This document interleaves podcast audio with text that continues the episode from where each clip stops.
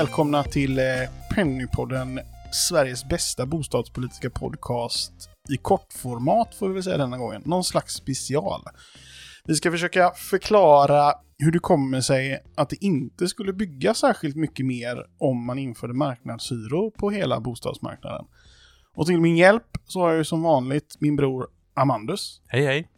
Vi går väl eh, rakt på sak. Så vart vill du egentligen börja? Jag vill börja med att säga att det är mycket möjligt att om man inför marknadshyror så kommer man bygga mer än vad man har gjort nu. Alltså relativt hur det fungerar nu kanske man bygger mer. Det som blir frågan för mig är hur stor effekten blir, alltså hur mycket mer man kommer bygga och hur mycket det kommer kosta. Och jag är övertygad om att det kommer bli väldigt dyrt. Du kommer inte få en så pass stor effekt i form av fler bostäder att det täcker behoven för befolkningen. Och varför skulle det bli så? Det verkar ju fungera på en väldigt massa andra typer av varor. Att sänker du pris ökar efterfrågan och då eh, producerar man mer. Och varför? Det det handlar om när det gäller bostäder är ju att bostäder måste byggas på en fysisk plats. Ett läge. Och om man frågar typ vilken eh, sån här fastighetsmäklare som helst så säger de ju att det man tar betalt för det är ju läget, läget, läget. Och värdet på läget avgörs ju av massa andra saker runt omkring. Det kan vara kollektivtrafik, det kan vara vilken annan typ av service som finns, förskolor, skolor. Skulle man kunna säga så här att eh, det finns anledning att tro att i ett marknadssystem så skulle en, eh, vad uttrycker oss lite slarvigt, men generellt en, en normal lägenhet eh, ute i glesbygden inte ha samma värde som eh, samma lägenhet mitt inne i centrala Stockholm.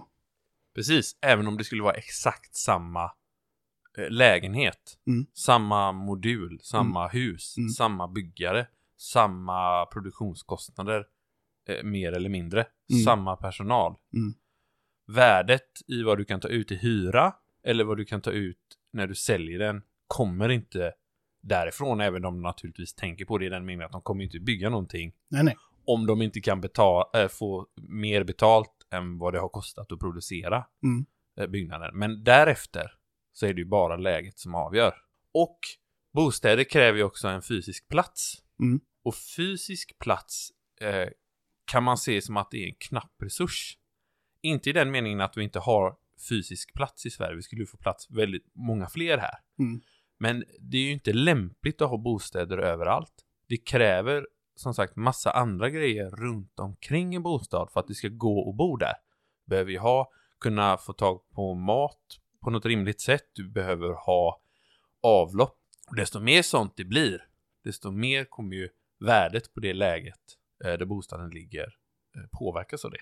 Så vad du egentligen säger här nu då, för att vara riktigt tydlig, att det är egentligen de omkringliggande faktorerna som har, det störst, har den största påverkan på en lägenhets värde. Ja, det skulle jag säga. Alla vill ju bo där det finns väldigt mycket bra service och efterfrågan på den typen av bostäder, eller i alla fall efterfrågeviljan är väldigt hög. Men fysisk plats, mark, är ju också beständigt. Det håller ju för i princip för evigt, åtminstone tills typ eh, solen, vad är det, den kommer svälla upp och Vi kan också tänka oss att eh, tektoniska plattor och sånt flyttar runt marken lite Ja, grann. Men... Ja, precis. Men med undantag för till exempel, det, det försvinner ju en del fysisk plats med erosion till exempel. Ja. Och sen så kan det ju vara vulkanutbrott så du får mer. Men Mm. jag tror inte att man bör bygga direkt efter ett vulkanutbrott liksom. Och sen kan man heller inte flytta på en fysisk plats. Nej. Speciellt inte när det är läget. Som kan också bero på typ vilka som bor där. Eller Mm. om det finns den och den parken eller så. Det, det flyttar man inte på så, så himla lätt liksom. Nej. Skulle du ta liksom ett Wallenstam-huset borta på Vita Björn, du kanske kan flytta på det och sätta det någon annanstans, så Mm. skulle det ju inte vara samma värde längre eftersom det är någon annanstans. Liksom. Det, det är helt enkelt inte Vita Björn längre. Det ser bara likadant ut. Exakt. Och de här egenskaperna som land och mark, fysisk plats har, spiller ju över i just frågan om bostäder. För var någonstans vill kapitalistiska företag bygga? Det som kallas för A-lägen. Ja, ett A-läge är ju helt enkelt det vi pratat om. Det är ju då gärna platser som har alla de här kringkvaliteterna, liksom. Nära till kollektivtrafik. Och när det samlas koncentrerat på ett ställe så blir det ett så kallat A-läge. Eh, och det är helt enkelt dit fastighetsägare vill ta sig för att bygga där, för att man helt enkelt kan vinstmaximera utifrån den aspekten. Och där kommer man in lite på det här med monopol då, om vi tittar från företagets sida. För vid en första anblick så kan det ju verka typ bra att, eller de som gillar kapitalism brukar framhäva, och det, det kan också vara, finnas en poäng i det, att där det är mest lönsamt så kommer det också produceras mest av det som behövs. Och, och då, om alla verkligen vill bo i stan, så kommer det produceras väldigt mycket där. Det som är skillnaden är, är att dels så krävs det väldigt mycket för ett företag att kunna producera någonting så avancerat, Mm. eh, något så stort som bostäder, speciellt om vi pratar storstadsregioner. Mm. Med, för det är mycket annat som man ska ta hänsyn runt omkring. Och som jag sa, det krävs ju också insatser från andra verksamheter. Det gör ju att det sällan kan vara sjukt många små företag som håller på att konkurrera eh, med varandra. Dessutom är det så, så fort ett företag ändå har fått en liten plats yta så är det ju Mm. ingen annan som kan komma och konkurrera på den ytan. Så när ett bolag får tag på det bästa läget så kommer de ju aldrig släppa in någon annan där. Däremot så kanske det är andra som vill bygga så nära det läget som möjligt. Men då går ju, fortsätter ju värdet eh, gå upp, för då blir det ju ännu fler som bor där, mer människor, mer Mm. service, mer andra saker runt omkring. Mm. Så det blir ju inte liksom, konkurrensen gör inte att det blir billigare. Konkurrensen driver upp priserna istället. Framförallt så driver det ju markpriser. Ja, det, ja, ja precis, det är det med. Alltså, Ja. det driver ju upp värdet på läget på Mm. markpriserna. Mm. Och det kommer ju de vilja kompensera sig för. Och så har de monopolställning. Dessutom så är efterfrågan på bostäder också, också väldigt inelastisk. Alltså att folk är ju villiga att betala väldigt mycket Mm. för att ha någonstans att bo. Mm. Kanske tvungna att betala det det kostar för att ha Mm. någonstans att bo. Eh, förhoppningsvis anpassat efter en plånbok liksom. Och det är det här som de... De vill ha en större andel av din plånbok helt enkelt. Mm. Men värdet kommer inte från någonting som de själva gör. Mm. Utan det är vad alla andra gör. Det är rätt intressant faktiskt att det där med, med värdet, alltså det som finns i din plånbok. Eh, jag råkar ju veta att snittstudenten i, i den här stan inom det, det stora studentbostadsbolaget, eller vad vi ska kalla dem, utan att nämna vid namn, i Göteborg. Där är snittet vad, vad en student mm, betalar, eh, 41 procent utav sin disponibla inkomst. Om man bara räknar eh, studiebidrag och lån, vilket vi tycker är rimligt eftersom vi ser det som 100 procent sysselsättning. Och det är ju extremt mycket. Jag tror att eh, samma så att säga siffra för Göteborg totalt är någonstans runt 27-28 procent. Ja, ja nej, det, det är mycket. Och om vi inför marknadshyror så kommer det drivas upp väldigt mycket mer. Ja, du frågade ju fastighetsägare och sånt där på Facebook någon gång. Vad- Ja, och Twitter. Och Twitter. Var gränsen går liksom. Mm. Hur mycket av plånboken ska de ha för att kunna eh, bygga bort eh, bostadsbristen? Men där finns det också så här kvalitativt att, ja, bygga bort bostadsbristen. Visst, rent, ja, det finns lika många bostäder som det finns folk som behöver dem. Men när markpriserna stiger så kommer det också bli, om det ska komma in nya företag så måste de ju köpa mark. Mm. Det blir dyrare och dyrare för dem. Om de lånefinansierar det så kommer de ju få högre och högre kostnader. Och jag säger inte att kostnaderna inte spelar in, men det blir ju kanske färre och färre områden som det är lönsamt att bygga på. Mm. Eftersom all, det driver ju upp alla eh, markpriser hela tiden. Så jag tror ju inte att man kommer bygga, dels har de inte intresse av att bygga mycket mer heller, för skulle de bygga mycket mer än vad som behövdes så skulle ju priserna falla och då blir det snabbt inte lönsamt. Mm. De vill bara bygga helst det som är mest lönsamt, där Mm. de får tillgång. Men så fort de har fått tag på det läget så kan ingen annan komma in och konkurrera. På sin höjd kan de ju bygga ett hus bredvid, om de kan köpa den marken som ju har gått upp i värde precis när någon Mm. annan har byggt innan och så vidare och så vidare. Så det blir en ond sån spiral som inte då kommer man liksom bara behöva kanske subventionera folk ännu mycket mer och det kommer driva upp för varje ny generation som ska in på marknaden. Bostadsbidragen, det kommer, ja, det slutar liksom inte riktigt. Men vad händer då? För att det, någonstans så finns det ju då en gräns för hur mycket av disponibel inkomst en fastighetsägare kan ta innan det helt enkelt, alltså, ja, max är ju då 100% men då har man ju inte råd med någonting annat. Max är inte säkert att det är 100% för att folk kan nog tänka sig att skuldsätta sig också för att ha någonstans att bo. Så det kan Jo, ligga jo. över 100%. Men man måste ha mat och så vidare och sådär, så det blir ju extremt svårt. Min poäng är den här att det, måste, det finns ju ändå, nog ändå en övergräns för hur dyrt någonting kan bli.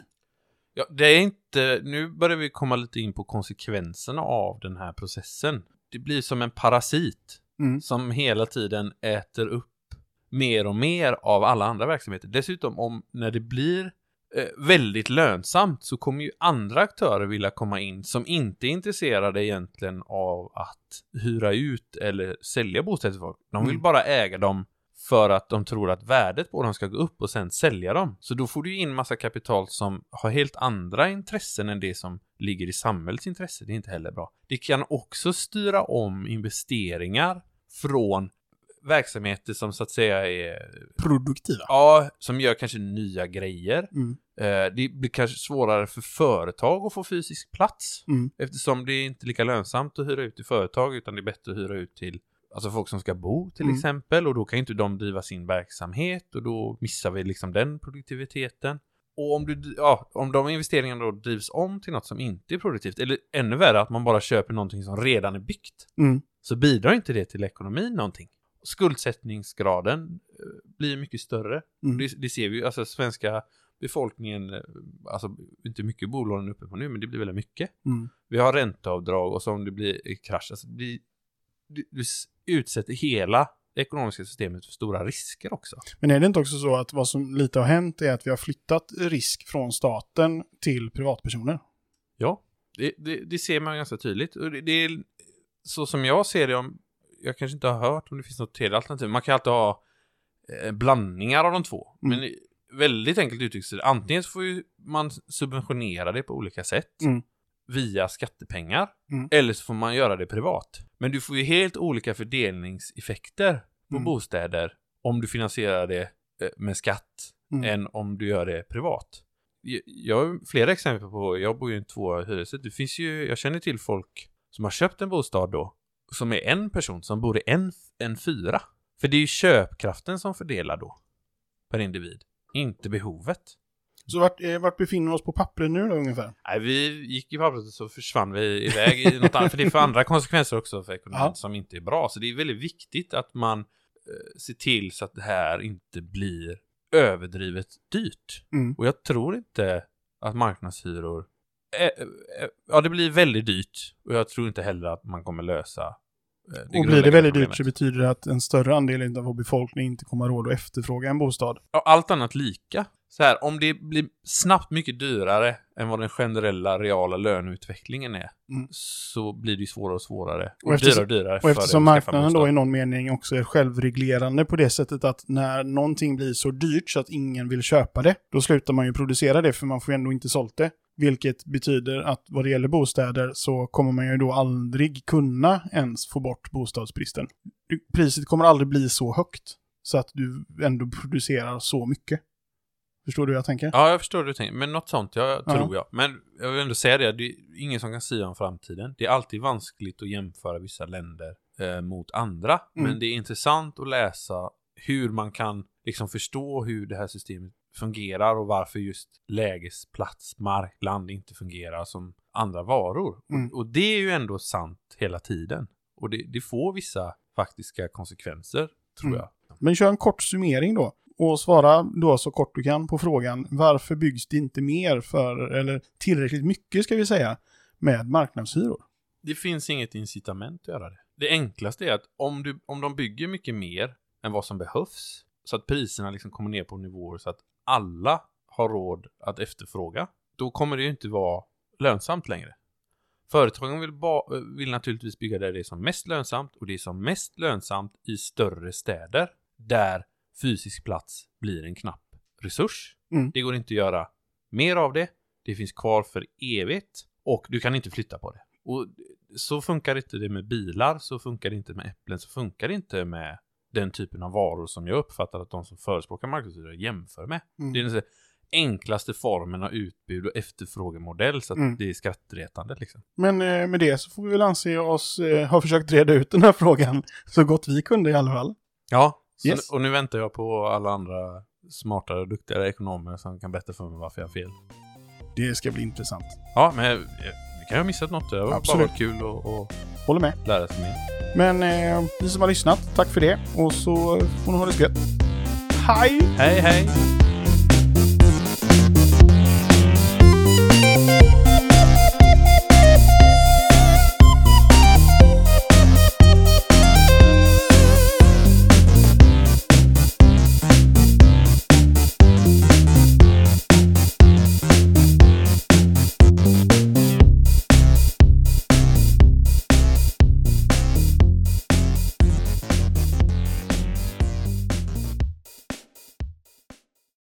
Pennypodden produceras av Reostat Media AB.